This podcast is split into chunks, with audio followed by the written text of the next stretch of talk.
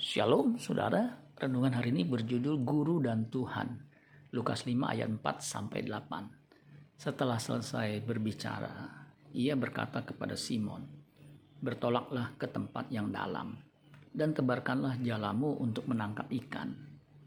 Simon menjawab, "Guru, telah sepanjang malam kami bekerja keras dan kami tidak menangkap apa-apa, tetapi karena engkau menyuruhnya, aku akan menebarkan jala juga.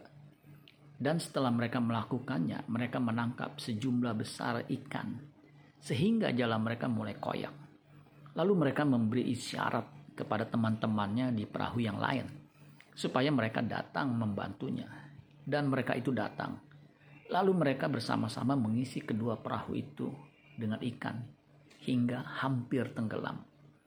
Ketika Simon Petrus melihat hal itu, ia pun tersungkur di depan Yesus dan berkata, "Tuhan, pergilah daripadaku, karena aku ini seorang berdosa."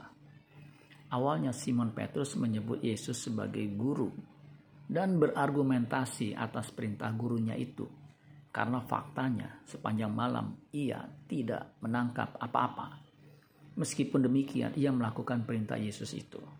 Setelah Simon menebarkan jalannya, ia menangkap sejumlah besar ikan sampai dua perahu penuh.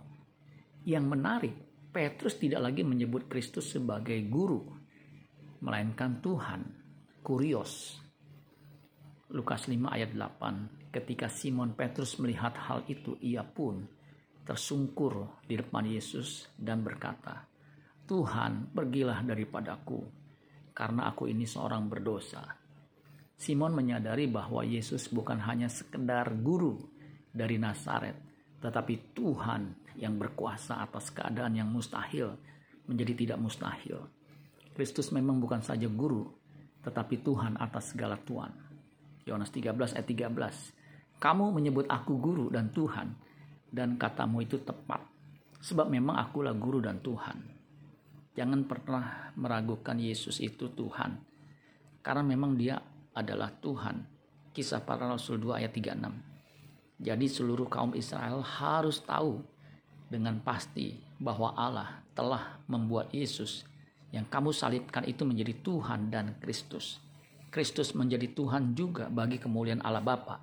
Filipi 2 ayat 9 sampai 11. Itulah sebabnya Allah sangat meninggikan dia dan mengaruniakan kepadanya nama di atas segala nama. Supaya dalam nama Yesus bertekuk segala yang ada di langit dan yang ada di atas bumi dan yang ada di bawah bumi. Dan segala lidah mengaku Yesus Kristus adalah Tuhan bagi kemuliaan Allah Bapa. Amin buat firman Tuhan. Tuhan Yesus memberkati. Sola Gracia.